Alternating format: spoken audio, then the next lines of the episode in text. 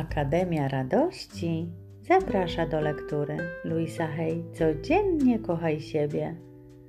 Przesłanie na dzień 20 października.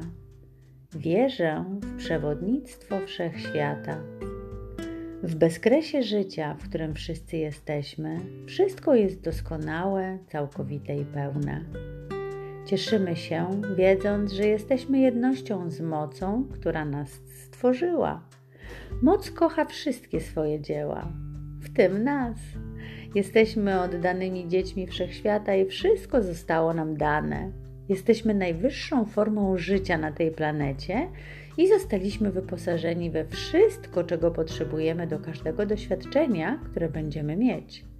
Nasze umysły są zawsze połączone z jednym nieskończonym umysłem, dlatego cała wiedza i mądrość są dla nas dostępne, jeśli w to wierzymy. Wierzy, wierzymy sobie, że tworzymy tylko to, co służy naszemu najwyższemu dobru i najwyższej radości, co jest doskonałe dla naszego duchowego rozwoju i zmiany. Kochamy to, kim jesteśmy. Szczególnie zachwyca nas wcielenie, które wybraliśmy podczas tego życia.